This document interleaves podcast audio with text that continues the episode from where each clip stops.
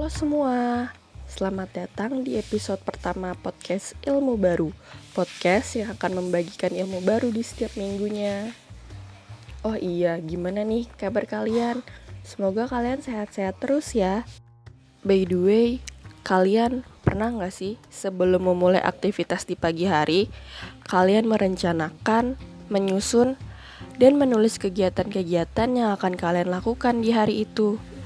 Atau kalian sering curhat di buku diari kalian. Maka, tanpa kalian sadari, kalian sudah menerapkan konsep ilmu administrasi dalam lingkup yang kecil loh. Sejatinya, ilmu administrasi itu adalah ilmu terapan yang berkaitan dengan kegiatan manusia di dalam kelompok sebagai upaya mencapai tujuan yang telah ditetapkan guna meningkatkan kinerja, produktivitas, efisiensi, dan efektivitas.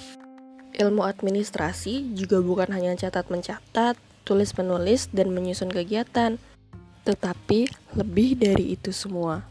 Di dalam administrasi, ada kerjasama antara sekelompok manusia, adanya kegiatan, proses, usaha untuk mencapai tujuan bersama. Ruang lingkup administrasi juga cukup luas loh teman-teman. Ada administrasi negara, administrasi swasta, administrasi internasional. Nah, di dalam tiga cabang itu masih ada lagi cabang-cabang lainnya.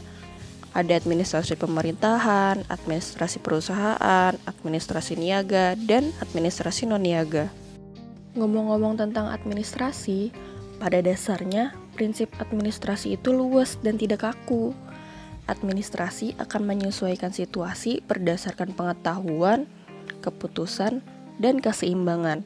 Contohnya, kalian diberi tugas untuk menghafal hadis dan hadis itu akan disetor di hari esok. Jika tidak, kalian tidak mendapatkan nilai, tetapi kalian tidak bisa menghafal karena kalian sedang sakit. Maka dalam prinsip administrasi ada kelonggaran di situ. Kalian bisa menyetornya di esok hari. Namun sesungguhnya yang ideal itu administrasi memang kaku. Contoh sederhananya, teman-teman lagi menempuh pendidikan S1 nih. Maka teman-teman harus menyelesaikan itu semua dalam jangka waktu kurang lebih 4 tahun. Jika lebih dari itu, maka teman-teman akan kena DO. Administrasi dalam prinsip ini memang akan menjadi kaku dan tidak mentolerir apa pun. Bagi teman-teman yang belajar dan ikut menerapkan ilmu administrasi, ada hikmah yang bisa teman-teman ambil loh dalam ilmu administrasi ini teman-teman bisa jadi lebih menghargai waktu, bertanggung jawab dengan tugas-tugas atau pekerjaan teman-teman, menjadi disiplin dan menimbang-nimbang atau memprediksi masalah apa yang akan datang jika teman-teman tidak disiplin. Nah, gimana nih teman-teman? Menarik bukan?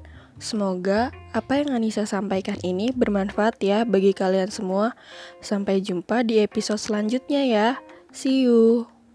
Thank you.